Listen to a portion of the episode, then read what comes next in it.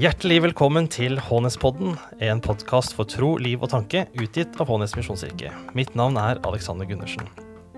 Vår verden står overfor en klimakrise. Global oppvarming, forurensning, ekstremvær, stigende havnivå og klimaflyktninger er begrep vi har blitt altfor godt kjent med de siste tiårene. Men måten vi behandler kloden på, påvirkes av synet vårt på skaperverket. Er skapverket hellig og urørlig, eller har vi rett til å utnytte det som vi vil? Dette skal vi se nærmere på i dag.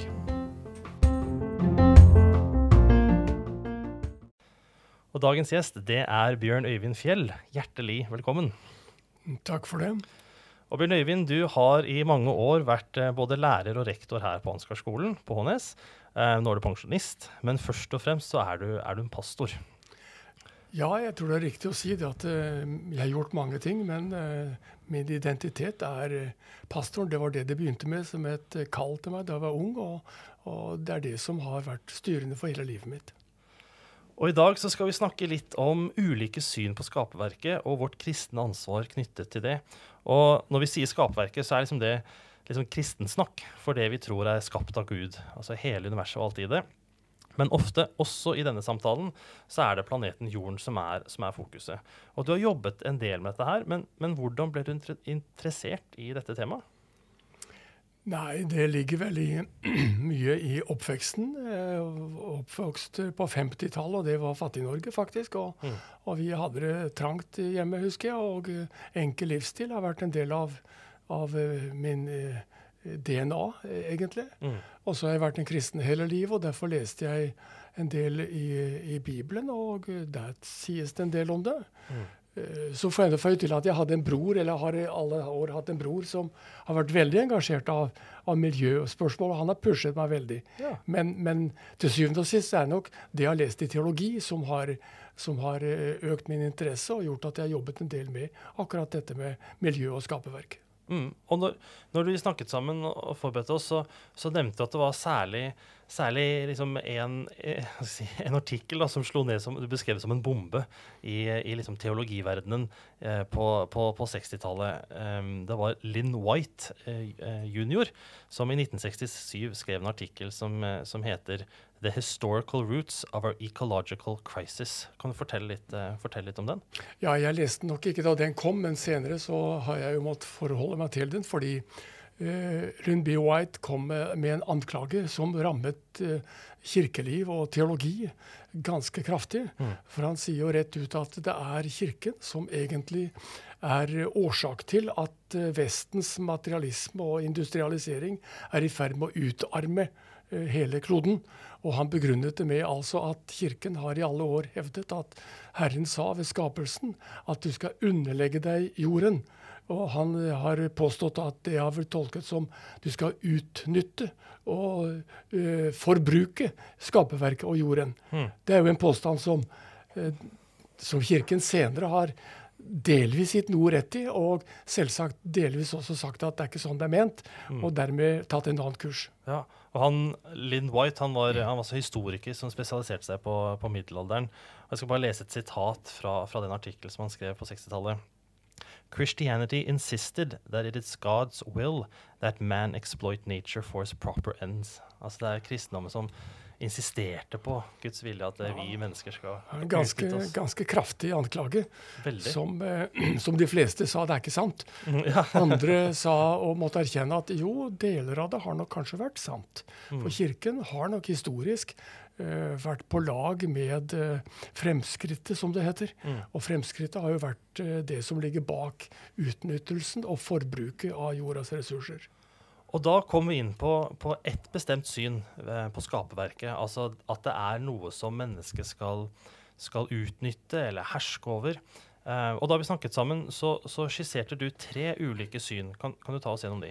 Ja, altså det, det, er tre syn på skaperverket. Det ene kaller vi det for antropologiske synet. Mm. Og det setter mennesket i sentrum. Det andre er det økosentriske, som setter skaperverket i sentrum.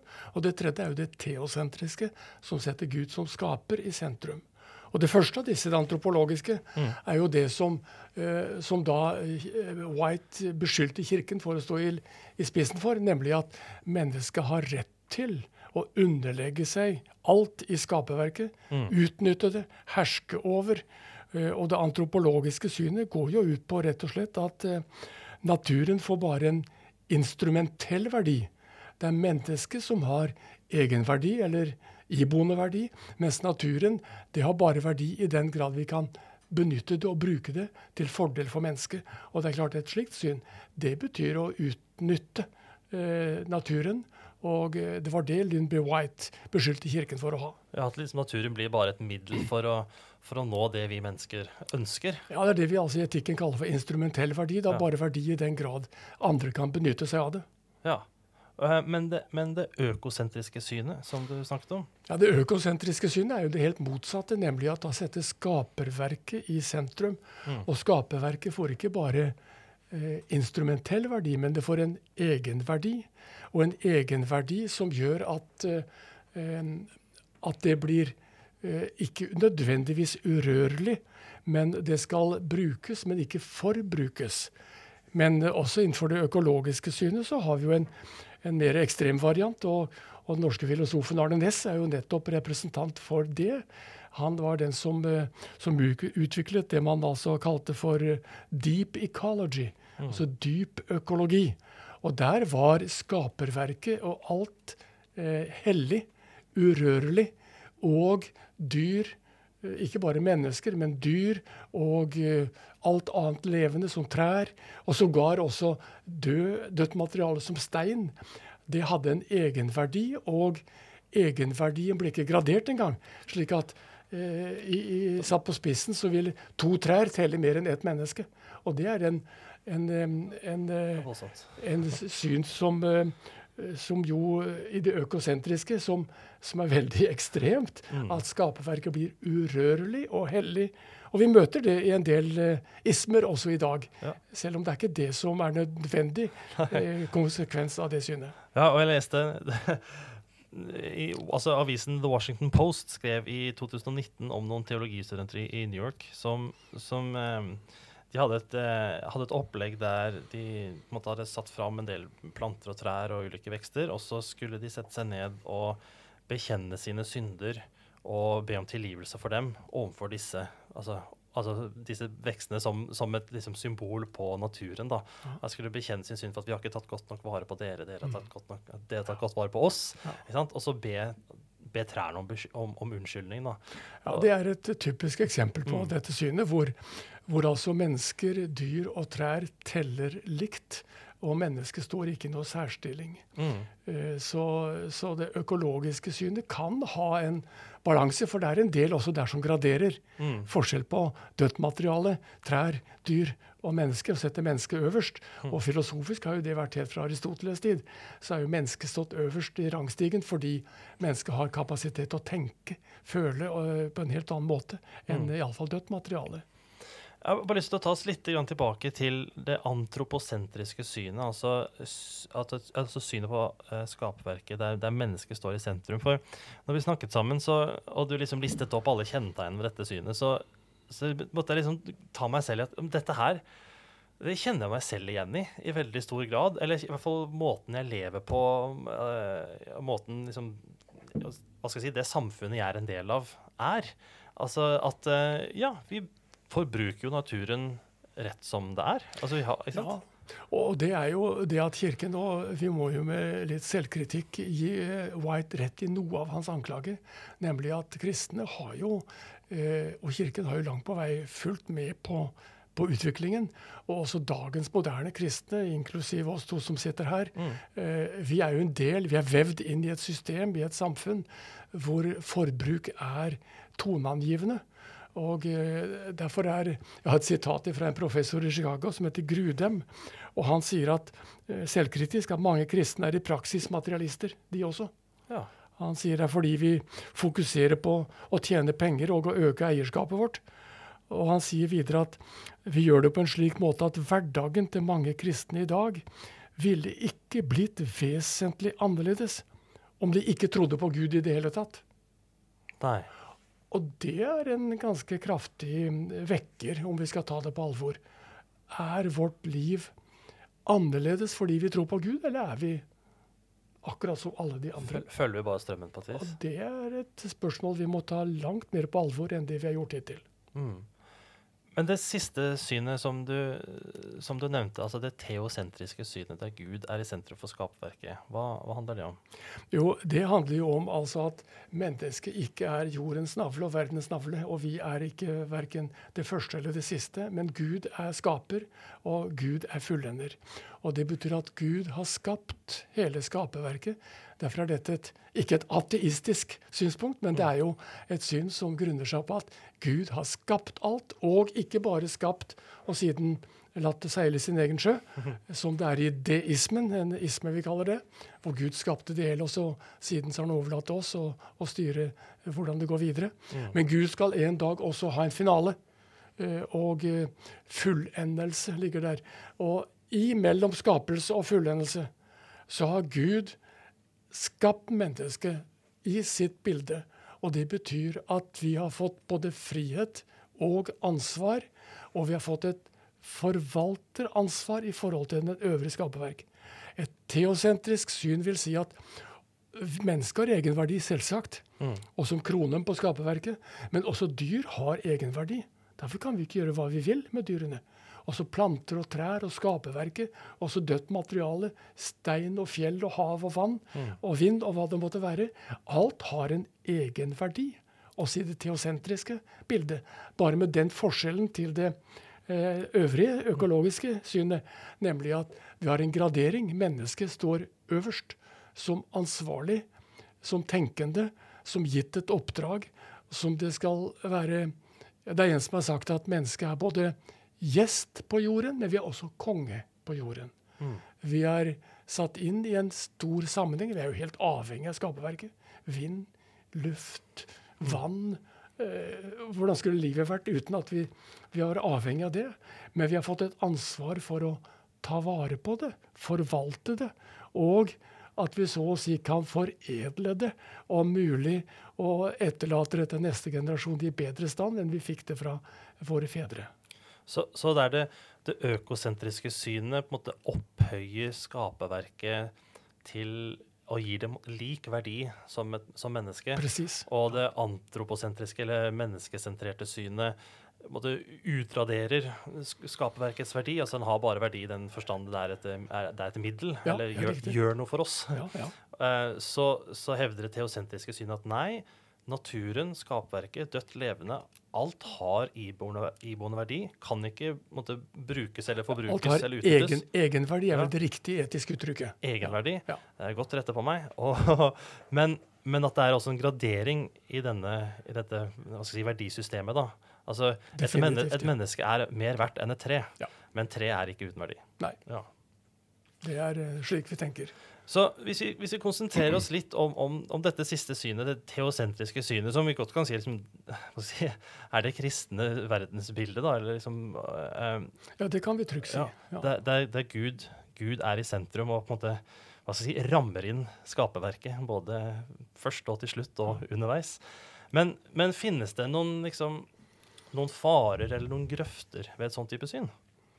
Ja, definitivt gjør det det. Og i kirkens historie og like til dags dato så, så er det to grøfter. Eh, Den ene og mest vanlige grøften i vår tradisjon, det er jo det vi kaller en, en slags teologisk passivisme.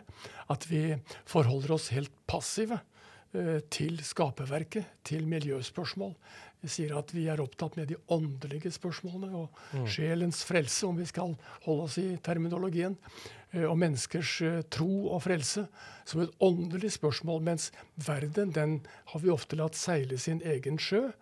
Og det er jo bibelord som taler om at eh, en dag så skal alt gå under i en verdensbrann, og det har nok blitt tolket for mye mer enn det er verdt, eh, ved at altså kristne sier vi bryr oss ikke om skaperverket, for Gud skal en dag eh, nyskape alt. Og derfor så overlater vi det til Herren, og så blir vi med på det materielle kjøret. Og Ja. lever livet, utnytter eh, og tar til oss av godene og kommer i skade for å bli praktiske materialister, som Grudem eh, antydet. Mm. At det liksom nå er eh, vi har fått plass i livbåtene. ikke sant? Ja. Og, og, og, så er det Om jorden går under, så er ikke det så farlig. For og det er klart, det, det Gud skal også, skape nytt allikevel. Det henger også sammen med en tradisjon at Jesus kommer igjen, og Jesus kommer igjen, da løser alt seg. Ja. Men inntil dess så, eh, så, så, får verden seile sin egen sjø. Egentlig er dette ikke et bibelsk syn, det er et platonsk syn. Det er Platon som i sin tid sa sjelen er mye mer verdt, og kroppen er det onde, og det skal uansett gå under, så la det fare hen, la gå. Vi bryr oss ikke om det, i verste fall. Ja. Eh, så, så, det har vært et platonsk innslag i mye kristen tenkning som har ført til altså en pasifisme, eller passivisme, som ikke, som ikke er god for, for den kristne tenkningen. Men hvis, hvis eh, passivisme er, er, den grøften på den ene siden, hvis vi bruker det, det bildet, ja. hva, hva, er liksom tilsvarende grøft på, på andre siden? Ja, altså La meg bare få ut til at eh, ikke pasifisme, men passivisme. Ja, unnskyld. Altså, vi er passive. Ja, nei, jeg sa feil, jeg også. Pass, passifisme er fint. Pass, passivisme må vi passe oss for. Ja, ja. Men, men, altså sannhetspoenget i dette er likevel at Gud skal en dag fornye skaperverk og nyskape mm. himmel og jord. Det er sannhetselementet i det. Men det må ikke hindre oss i å bli engasjert. Ja. Det andre grøften, som jeg kaller aktivisme, det er en teologi som ikke vi har hatt så mye av, men som er også i Norge. Mm. Men som er globalt ganske sterk. Og det er en teologi som sier det at uh, Jesu gjenkomst, ja, det er vel ikke sikkert er bokstavelig å forstå. Så verdens ende, den er litt mer åpen. Og det vil mer avhengig av hva Kirken gjør. Og Jeg hørte en gang i en stor konferanse en brasiliansk biskop som sa at Jesus kommer igjen hver gang Kirken engasjerer seg for de fattige og hjelper de. Og hver gang Kirken engasjerer seg i miljø og miljøspørsmål, så er vi med på å forbedre verden og er i ferd med å realisere tusenårsriket. Og det er vi som får ansvaret for det. Og dermed så har man en teologi som sier at verdens fremtid og Guds rike, det er det Kirkens aktivitet og engasjement i alle tenkelige og utenkelige spørsmål, eh, fra fattige til miljøspørsmål, som skal ta ansvar for. Og så å si Gud spilles utover sidelinjen, og gjenkomsten og fullendelsen blir menneskers verk og ikke Guds verk. Det er den aktivismefaren som gjør at man altså eh, lar Kirken ta ansvaret for verdens fremtid. Og vi er i ferd med å ikke bare politisere, men Kirken blir på en måte nøkkelen for ver og verdens redning. Og den kirkelige aktiviteten er det som teller alt. Og da blir det ikke mye igjen for Herren å gjøre. Nei, ikke, ikke det hele tatt. Verken i troen eller i, i, i verdensutviklingen. Så, så, så det er Altså, nå skal jeg prøve å si rett her. Den passi, passive yes. grøften, yes. ikke pass ja, mm, Jeg skal ikke blande opp i det mer, men den passive grøften, der, eh, der trekker man seg på en måte ut av engasjement i, i skaperverket. Altså man, ja. man, man, man, bryr seg ikke så mye om det, eller i hvert fall i beste fall likegyldig da, ja. til, til, hva som måtte skje med, med, med kloden og med havet yes. osv. Mens med i den aktivistiske grøften så er det mer at man trekker Gud ut ja, av, av, av, skaperverket. Mm -hmm. Og tenker at eh, nei, altså når Guds rike en gang skal komme, som vi tror, så er det ikke som et resultat av Jesu hjemkomst, eh, hjemkomst eller gjenkomst en gang i framtiden, men det er et resultat av kirkens verk, altså den globale kirken, alle kristnes verk, her og nå. Det er ditt og mitt ansvar yes. ja. at Guds rike måtte realisere seg. Da. Det er hovedsynet i denne det jeg kaller teologiske aktivismen. Men så må vi føye til da, mm. at de har også et sannhetspoeng, ja. som vi aldeles ikke må glemme. Og sannhetspoenget det er jo altså at Kirken er selvsagt kalt til å hjelpe de fattige, mm. de undertrykte og de som blir utstøtt. Det er vårt ansvar. Og vi er også, sier jeg, selvsagt ansvarlig for denne verden, for mm. kloden for å være forvaltere. Så miljøspørsmål og, og, og, dette skal være med, men vi må finne balansen mm. mellom denne passive holdningen, så intet skjer, og denne aktive holdningen hvor vi skal gjøre alt. Men hvis dette er de to grøftene um, Jeg husker da jeg studerte teologi her på Ansgar, så, så var det veldig ofte at vi liksom fikk grøftene på den ene siden og grøftene på den andre siden. Men så var det, liksom, det er jo den veien, da. Liksom. Men hvor, hva er da veien? Veien er jo det vi kaller for en kristen økoteologi. eh, hvor vi teologisk understreker det som vi snakket om i sted, med et, med et teologisk verdensbilde. Mm. At Gud er skaper, Gud er fullender. Vi er innsatt, så å si. Eh, fått frihet til å gjøre hva vi vil, og det gjør vi oss til overmål. Men vi har også fått ansvar. Og særlig har Kirken fått et ansvar for å ivareta idealene i gudsbildet. Og selv om ikke vi greier å virkeliggjøre det selv, fordi det er nok Gud som må nyskape himmel og jord, men så er idealet og målet veldig klart. Og kallet enda sterkere, eller invitasjon fra Gud, til å bli hans medarbeidere på denne jorden. Eh, på forskjellige måter. Men dette medarbeiderskapet det er et, en invitasjon til alle mennesker på skaperplanet. Men Kirken har også fått det kallet. Ikke bare misjonsoppdraget, men også det vi kaller kulturoppdraget. Og det er å ivareta og forvalte naturen, eh, alle de ressursene vi har fått, hele skaperverket på en god måte. Så det er liksom å holde sammen altså de to sannhetselementene som vi snakket om, som, som hver av disse grøftene hadde i seg. Så blir liksom veien å holde de to sammen, Precis. ikke, ikke rendyrke den ene eller andre. Nei. Altså, ja, Ja. eh, Jesus kommer igjen og skal skape nytt, men ja, også ja. Eh, vi har ansvar for det, det, dette skaperverket. Ja. Og ikke snakke om Jeg kan i hvert fall oppleve sjøl at når jeg snakker om skaperverket, så så holder jeg litt sånn eh, ubevisst meg selv utenom. Altså Jeg holder mennesker utenom. Jeg tenker veldig fort på naturen. Men altså du og jeg, vi er jo en del av dette skaperverket. Ja, ja. Så det å ta hånd om skaperverket er jo også å ta hånd om alle menneskene Det er å ta hånd om oss selv. Ja. Så det er liksom å holde sammen disse to perspektivene. At eh, ja, en dag skal Jesus komme tilbake, og alt skal skapes nytt. Samtidig, eller i mellomtiden, så har vi også et ansvar for å forvalte dette skaperverket Ja, sammen med Gud. Og så er det et ideal. element til som Vi må jo ikke få inntrykk av at dette med økoteologi og er noe som vi har, Kirken har funnet opp liksom de siste 50 årene. Nei. Dette er jo egentlig den gamle oldkirkelige tenkningen, det. Ja. Eh, eh, Frans av Assisi, 'Solhymnen', Mm. det er en fantastisk hyllest til skaperverket. Og vi må ikke glemme at trosbekjennelsen Jeg tror på Gud Fader som skaper, Mm. og Sønnen som, som frelser, og Den hellige ånd som livgiver. Der har vi jo hele skaperteologien ligger inne i den første trosartikkel. Og den trenger vi å fornye i mange av våre miljøer. Det er nydelig, altså. Men eh, vi, skal, vi skal begynne å runde av nå, og ehm, altså, det, altså Nå har jo Siste året så har det jo bare handla om korona eh, i nyhetsbildet, iallfall. Men, men eh, spesielt rundt 2019 så, så liksom Greta Thunberg var jo mye i media, og eh, skolestreik for klima. ikke sant? Eh, det, var, det var veldig mye for medieblest rundt klimakrisen. Og, og når man leser liksom alt det som skjer, og liksom, havnivået som stiger, og potensielle klimaflyktninger som kommer til å komme, osv., så, videre, så i hvert fall som enkeltperson kan man bli litt, sånn, bli litt matt. Altså, hva, hva skal jeg gjøre? Eller hvordan skal jeg fikse dette her? Og når man i tillegg liksom legger på et sånt kristent ansvar, at liksom, ja, Gud selv har liksom kalt meg til å være en del av, av å, liksom, å forvalte denne kloden på en god måte. Eh, har du noen eh, oppmuntringer eller oppfordringer til, til oss som kristne i hvordan, hvordan vi kan liksom, håndtere dette her sjøl? Eller håndtere dette her i, i våre liv? Nei, jeg tror vi skal være klar over at dette er en global utfordring. Mm. Og det har jo, politisk er det jo kompliserte tusen. Ja. Og eh, Kirken skal vel ikke blande seg inn i alle de. Dette er den politikerne er mer spesialister enn en teologene. Men, men eh, teologen og Kirken må være klar over at dette er et globalt problem. Og vi må si dette vil vi støtte. Mm. Og så kommer da spørsmålet hva skal jeg gjøre?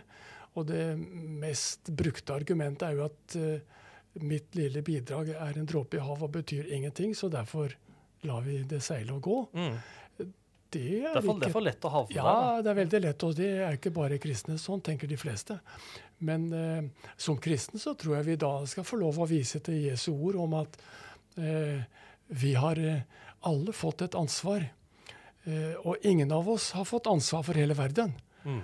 Og aldri skal vi på dommens dag bli stilt ansvar for, for hele den globale problemet. Men eh, vi har fått et ansvar for vårt område, vårt liv, vår hverdag. Hvordan vi håndterer det, enkel livsstil. At vi kanskje avstår fra ting som er normalt. Vi kan tenke konkret på på flyreiser, som er, for å være ett konkret eksempel, Mm. som vi foretar veldig mye unødvendig. Og vi kan begrense det. Vi kan begrense forbruket vårt. Mm. Bruk av energi, bruk av penger for den saks skyld. Eh, En enkel livsstil er et godt bidrag i seg selv. Og så tenker jeg på Jesu ord om at på dommens dag så, så sier Jesus faktisk at eh, et glass kaldt vann gitt i en bestemt situasjon ikke skal gå upåaktet hen. Og da tenker jeg at Jeg- jeg har ikke ansvar for hele verden, men jeg har ansvar for å gi et glass kaldt vann, gi et lite bidrag som kanskje er på den størrelsen. Og det teller i det store perspektivet, ifølge min frelser og Herre Jesus Kristus. Og han taler om fullendelsen og enden som kommer. Tusen takk for at du ble med oss, eh, Bjørn Øyvind. Veldig spennende å prate med deg. Vi avslutter hver episode med at eh, gjesten gir en anbefaling, en dagens anbefaling. og Det kan være noe lett og ledig eller noe tungt og seriøst, men noe som kan, noe som kan være til glede. Så jeg lurer på, hva, Hvilken anbefaling har du å gi oss, Bjørn Øyvind? Ja, det er jo nærliggende å, å kort og godt anbefaler alle til å bruke den naturen Gud har gitt oss. Hele skaperverket er jo fantastisk. Og jeg mener hav og, og fjell og skog og trær.